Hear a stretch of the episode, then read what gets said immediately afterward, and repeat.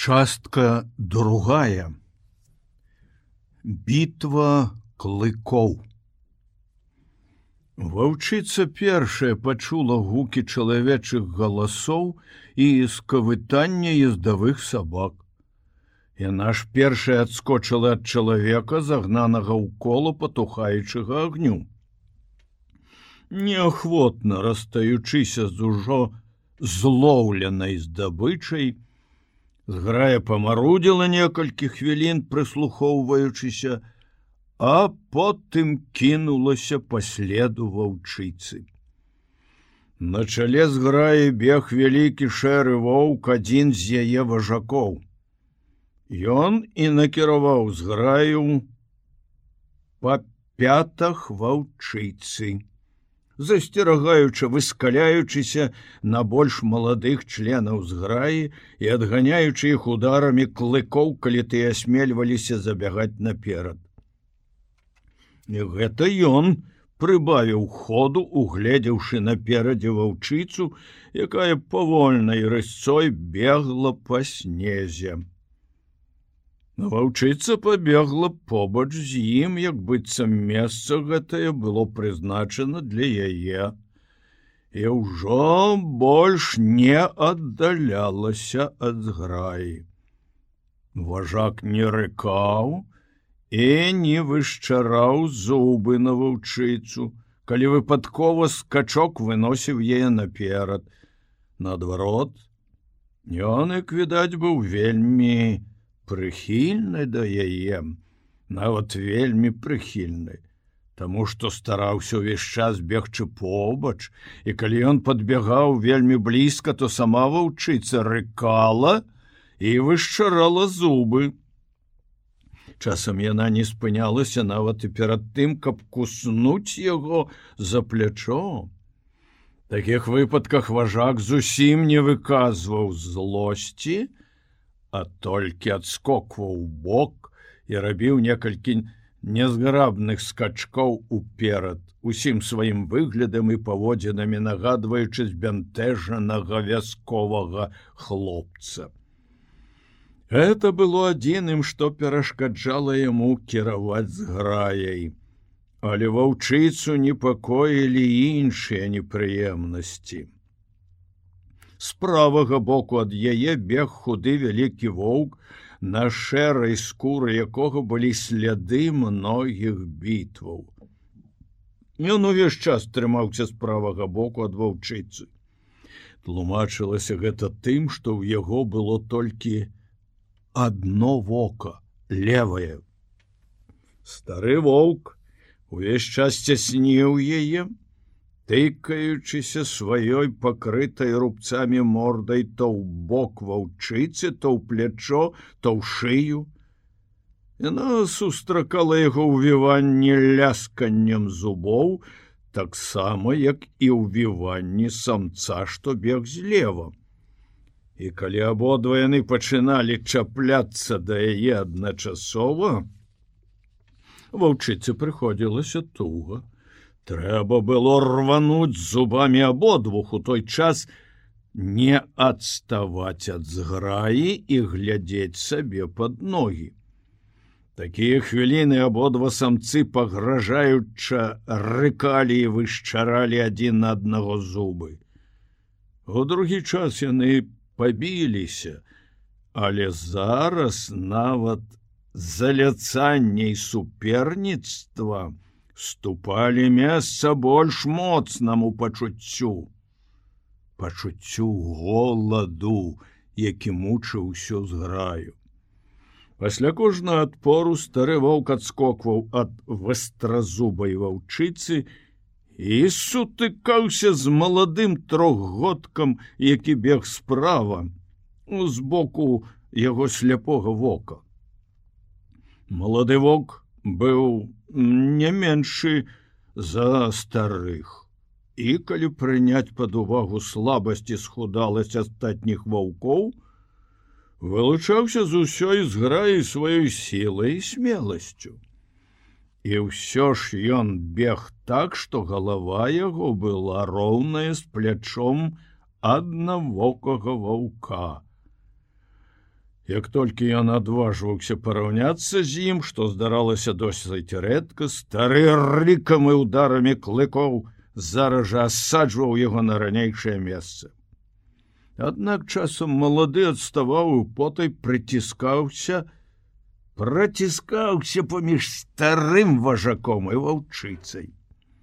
Гэты маневр сустракаў падвойны, нават трайны адпор. Як толькі ваўчыца пачынала незадаволена рыкаць, стары важак рабіў круты паварот і накідаўся на трагодка. Часам разам са старым на яго накідалася і ваўчыца, а часам да іх далучаўся і малады важак, які бег злева.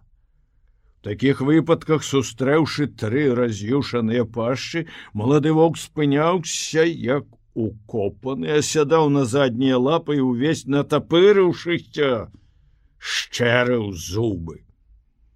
Замяшанне на чале стаі нязменна суправаджалася замяшаннем у задніх яе радах.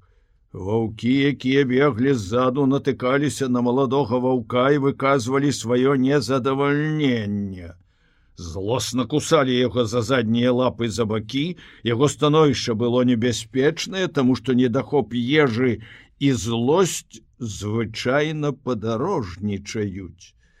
Але бязмежная самаупэўненасць маладосці штурхала яго на паўтарэнне гэтых спроб хоць яны не мелі ніякага поспеху і прыносілі яму толькі адны непрыемнасці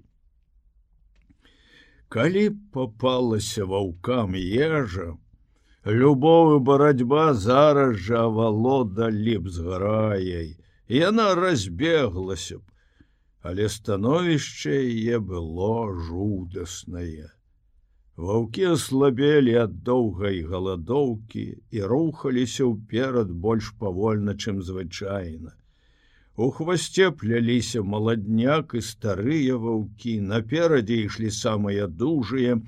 Все яны падобны былі хутчэй на шкілеты, чым на сапраўдных ваўкоў.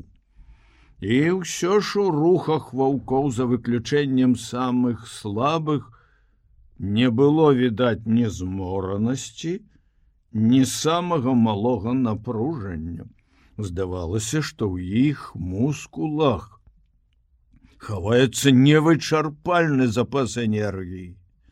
За кожным рухам стальнога мускула наступаў другі рух за ім трэці чацвёрты і так без канца У гэты дзень ваўкі прабеглі шмат мель, яны беглі ўсю ноч, надышоў наступны дзень, яны ўсё яшчэ беглі, беглі па абледзянелай мёртвай прасторы. Нідзе ніякіх адзнак жыцця. Толькі яны адны рухаліся ў гэтай застылай пустыні. Толькі ў іх адных было жыццём, і яны ганяліся за іншымі жывымі істотамі, каб разарваць іх і прадоўжыць сваё жыццё. Ваўкам прыйшлося перайсці не адзін вадападзел, абагнуць не адзін ручай у нізінах, перш чым пошукі іхнія скончыліся поспехам. Нарэшце яны сустрэлі лася. Першай іх здабычай быў вялікі лось самец. Тут было жыццё, было мяса, і яго не ахоўвалі ні таямнічы агонь, ні галавешкі, якія лёталі ў паветры. Раздвоеныя капыты і галіністыя рогі былі знаёмы ваўкам. І яны откинули свое звычайное терпение асцярожнасць битва была короткой и заўзятой лася обкружили з усіх бокоў спрытными ударами цяжкіх капытоў ён распорваў ваўкам жываты праламліваў чарапы ламаў ім косці велізарными рогами Лось падмінаў іх пад сябе, качаючыся па снезе, Але ён быў асуджаны на пагібель і нарэшце паваліўся. Ваўчыца з разлютаванасцю пілася яму горла, а зубы астатніх ваўкоў рвалі жывёліну на часткі, жыўцом не чакаючы пакуль лось перастане змагацца. Ежы было удосталь. Лось важаў звыш 800 фунтаў, по 20 фунтаў на кожную глотку з граі. Калі ваўкі са здзіўляючай вытрымкай маглі пасціцца, то хутка з якой яны пажыралі ежу, была не менш дзіўная.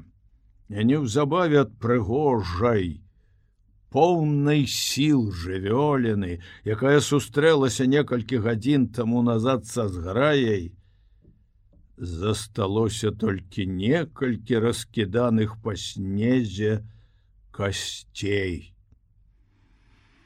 Цяпер ваўкі падоўгу адпачывалі і спалі насыціўшыся маладзейшыя самцы пачалі сварыцца і біцца і гэта не спынялася на працягу ўсіх астатніх дзён якія надышлі перад распадам з граі голод скончыўся ваўкі дайшлі да багатых дзічынай мясцін І хоць яны ўсё яшчэ палявалі з граяй, але дзейнічалі ўжо з вялікай асцярожнасцю, адразаючы ад невялікіх ласіных стадаў, якія попадаліся ім па дарозе, цельных самак або старых хворых ласёў.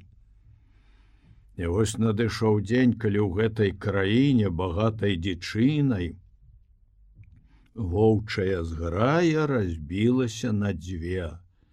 Ваўчыца, малады важак, які бег злева ад яе і аднавокі, што бег справа, павялі сваю палову з граі на ўсход у кірунку да ракі Макензі праз мясцовасць, дзе было шмат азёр. Палова з граі, якая засталася з імі, памяншалася з кожным днём. Ваўкі разбіліся на пары, самец самкай. Часам вострыя зубы саперніка адганялі прэч якога-небудзь адзінокага ваўка. І нарэшце яны засталіся ў чатырох. Ваўчыца, малады важак, аднавокі і дзёрзкі трохгодак. Ваўчыца просто разлютавала. Сляды яе зубоў былі ва ўсіх трох кавалераў. Але ваўкі ні разу не адказалі ёй тым жа. Ні разу не паспрабавалі абараняцца. Яны толькі падстаўлялі плечы под яе самыя лютыя укусы і круцячы хвастамі стараліся, уціхамірыць яе гнеў. Але калі ў адносінах да самкі ваўкі здаваліся увасабленнем лагоднасці, то в адносінах адзін да аднаго яны былі ўвасобленая злосць. Лютасць трохгодка перайшла ўсе межы. Ён падляцеў да старога ваўка з боку яго сляпога вока і на кавалачкі разарваў яму вуха але сівы стары, які бачыў толькі адным вокам, заклікаў на дапамогу супраць маладосці і сілы всю сваю шматгадовую мудрасць і ўвесь свой вопыт. Яго крывое вока і спаласаваная рубцамі морда, досыць красамоўна казалі пра тое, якога роду, быў гэты вопыт. Вельмі шмат бітваў прыйшлося яму перажыць на сваім вяку, каб хоць на одну хвіліну задумацца над тым, што яму трэба зрабіць. Бітва пачалася сумленна, але не сумленна скончылася. Цяжка было загадзя меркаваць аб яе выніку, але да старэйшага ваўка далучыўся трэці. Стары і малады важакі разам накінуліся на дзёрзкага трохгодка, вырашыўшы расправіцца з ім. Бязлітасныя клыкі былых таварышаў уядаліся ў яго з усіх бакоў. Забыліся тыя дні, калі ваўкі разам палявалі, здабыча, якую яны разам забівалі, голад, які аднолькава мучыў іх усіх. Всё гэта было мінулай справай. Зараз перад імі стаяла любоў. Яшчэ больш жорсткая і бязлітасная, чым голод. Тым часам маўчыцца прычына ўсіх разладаў села з задаволеным выглядам на снезе і пачала сачыць за бітвай. Ёй гэта нават спадабалася. Надышла яе гадзіна. А гэта здараецца рэдка. Калі поўстае дыбам, клык удараецца аб клык і рве, паласуе падатлівае цела. І ўсё гэта толькі дзеля таго, каб авалодаць ёю. І малады воўк, які ўпершыню ў сваім жыцці сутыкнуўся з каханнем, аддаў за яго сваё жыццё. Абодва сапернікі стаялі над яго целам, яны глядзелі на ваўчыцу, якая сядзела на снезе і усміхалася ім. Але старэйшы важак быў вельмі мудры, мудры у справах кахання не менш, чым у бітвах. Малады важак павярнуў галаву, каб залізаць рану на плячы, загрывак яго быў звернуты прама да саперніка. Сваім адзіным вокам старэйшы убачыў што яму надарыўся зручны выпадак. Кінуўшыся стралой на маладога ваўка ён разануў яго клыкамі па шыі пакінуўшы на ёй велізарную глыбокую рану і ўспароўшы вену. Потым ён адскочыў назад малады важак зароў але яго страшэнны рык зараз жа перайшоў сутаргавы кашаль.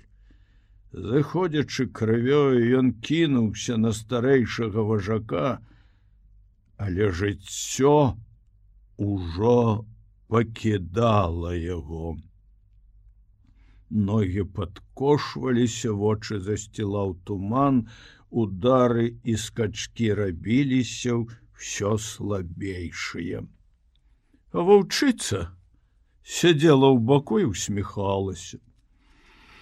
Відовішча бітвы выклікала у яе у яе нейкае невыразнае пачуццё радасць. Калі малады воўк ляжаў на снезе, ужо не рухаючыся, аднавокі гордым поступам накіраваўся да ваўчыцы. Урачыстасць пераможцы змешвалася ў ім з асцярожнасцю. Ён простадушна чакаў рэзкага прыёму і таксама простадушна здзівіўся, калі ваўчыца не ашчэрыла на яго зубы. Упершыню за ўвесь час, яго сустрэлі так ласкава. Яна абнюхалася з ім. І нават пачала скакаць, гуляць, зусім як шчанё. І аднавокі, забыўшы свой стары ўзрост і ў мудронасць вопытам, таксама ператварыўся ў шчаня, бадай нават яшчэ больш дурное, чым ваўчыцца.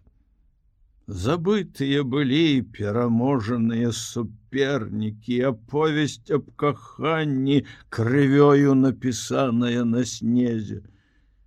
Толькі аднаго разу напомнілі яны аб сабе, калі аднавокі спыніўся на хвіліну, каб залізаць раны. І тады губы яго злосна задрыжэлі, поўсць на шыі і на плячах паднялася дыбам, кіпцюры сутаргаваў еліся ў снег, цела выхнулася, прыгатаваўшыся да скачка. Але ў наступную ж хвіліну ўсё было забыто, І ён кінуўся ўслед за ваўчыцай, якая чулліва вабіла яго у лес. Затым яны пабеглі побач як добрыя сябры, якія прыйшлі нарэшце да ўзаемнага пагаднення. Дні ішлі, а яны не разлучаліся адно з адным. Разам гналіся за здабычай, разам забівалі яе, разам з'ядалі. Але праз некаторы час ваўчыцая валодала трывога. Здавалася, она штосьці шукае і ніяк не можа знайсці, Яе вабілі да сябе зацішныя месцейкі пад зваліўшымися дрэвамі. Яна праводзіла цэлыя гадзіны, абнюхваючы зацярушаныя снегам расколены ў кручах і пячоры пад навіслымі берагамі ракі старога ваўка ўсё гэта ніколькі не цікавіла, але ён дабрадушна ішоў за ёя, калі ў некаторых месцах пошукі ваўчыцы зацягваліся больш звычайнага.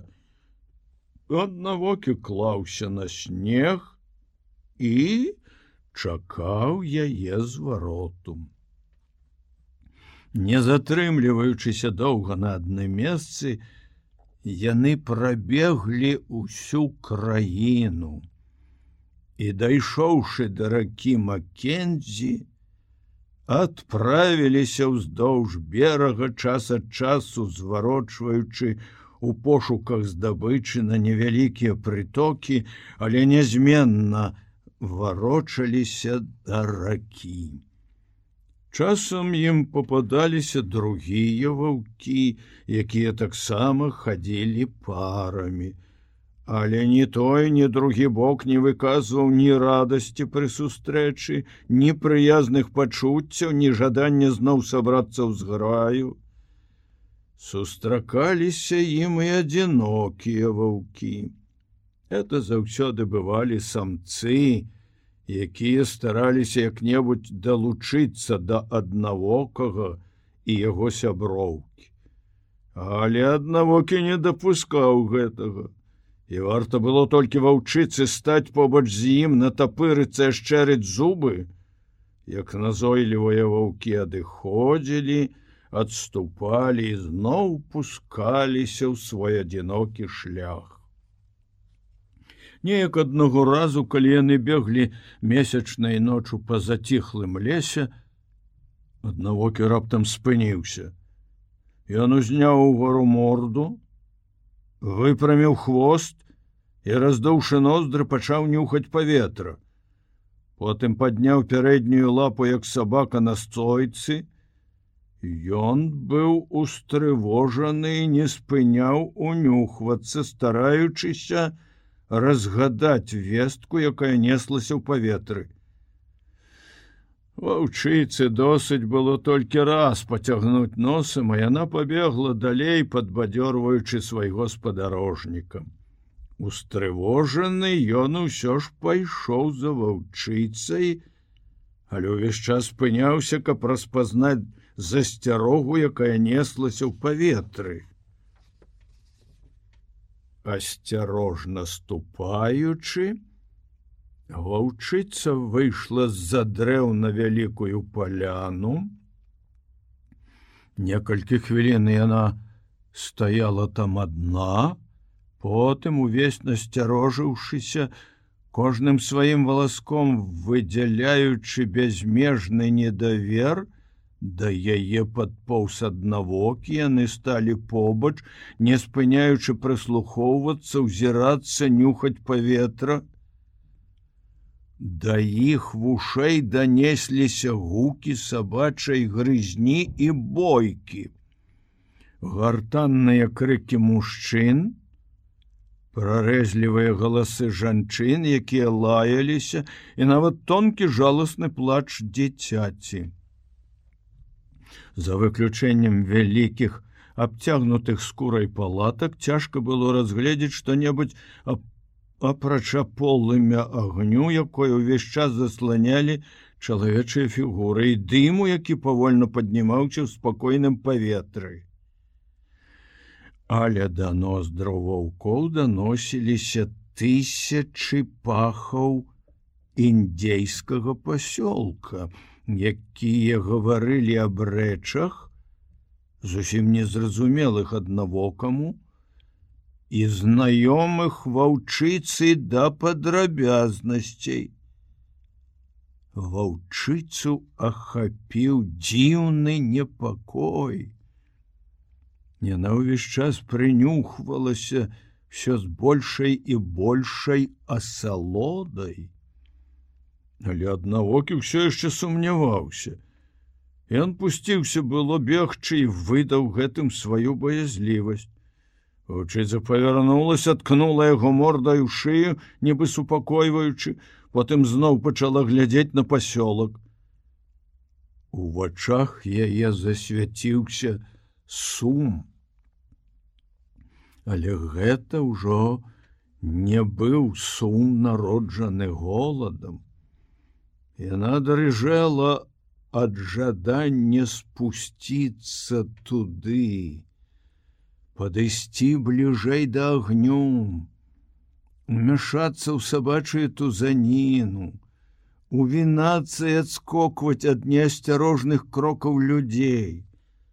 Аднавокі нецярпліва таптаўся каля яе ранейшы непакой вярнуўся да ваўчыцы, Яна зноў адчула непераможную патрэбу знайсці тое, што так доўга шукала. Яна павярнулася і на вялікую радасць аднавокага, які бег крыху наперадзе, накіравалася ў лес под прыкрыццё дрэў.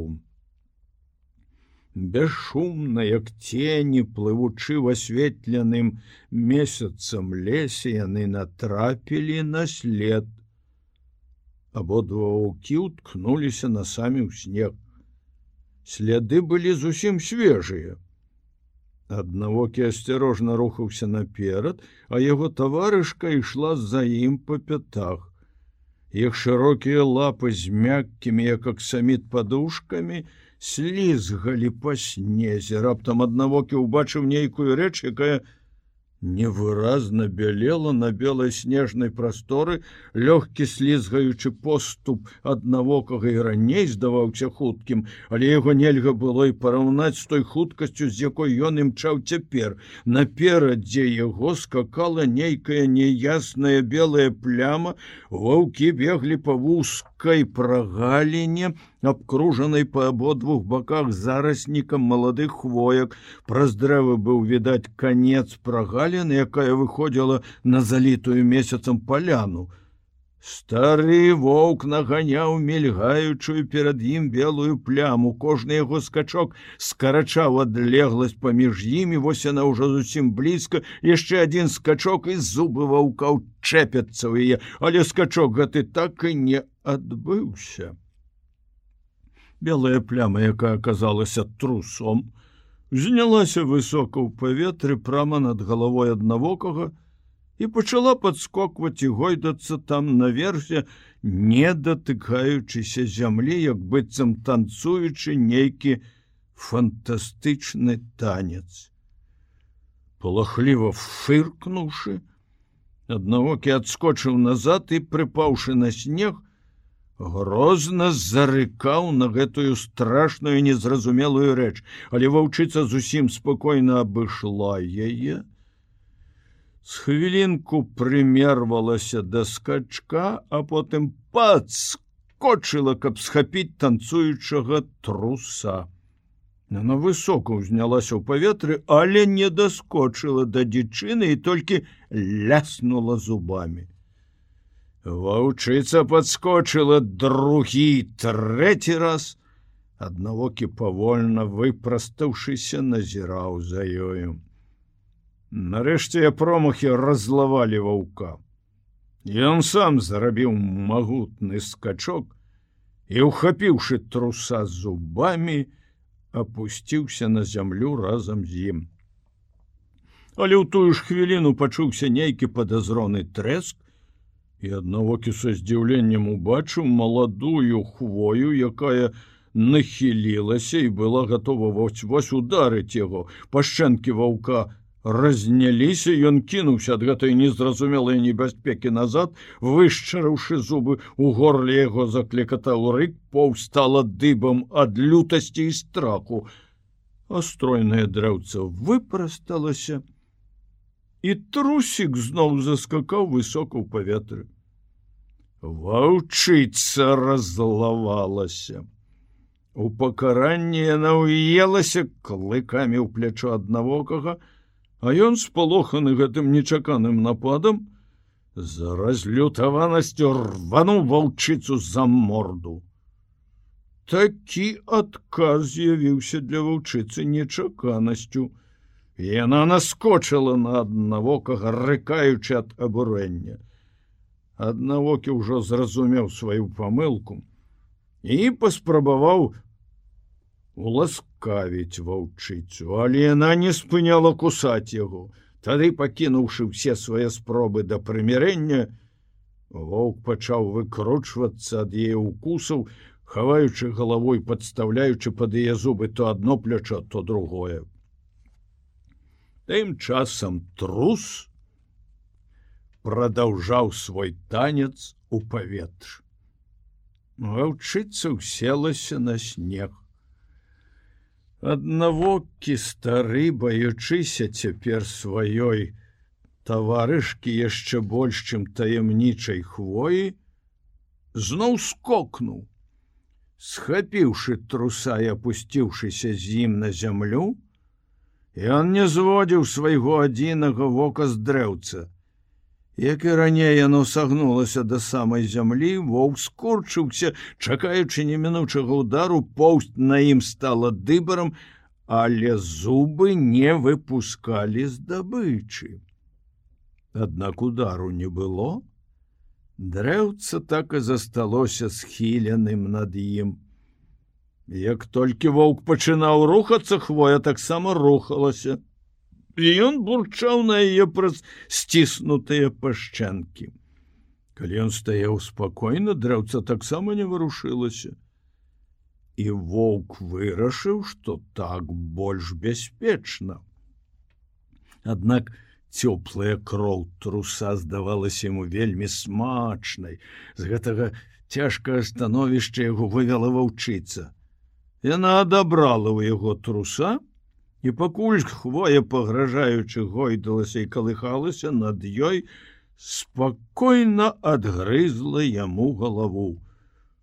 Хвоя зараз жа выпрасталася і больш не трывожыла іх заняўшы належнае ёй вертыкальнае палажэнне у якім дрэва расце ад прыроды. А ваўчыцца з аднавокім падзялілі паміж сабой здабычу незразумелым чынам злоўленую для іх хвояй. Шмат траплялася ім такіх слядоў і прагалін, дзе трусы гойдаліся высока ў паветры. І воўчая пара абследавала іх усе. Ваўчыца заўсёды была першай, аднавокі ішоў за ёй следам назіраючы і вучачыся як трэба абкрадваць пасткі. І гэтае веданне пазней саслужыла яму добрую службу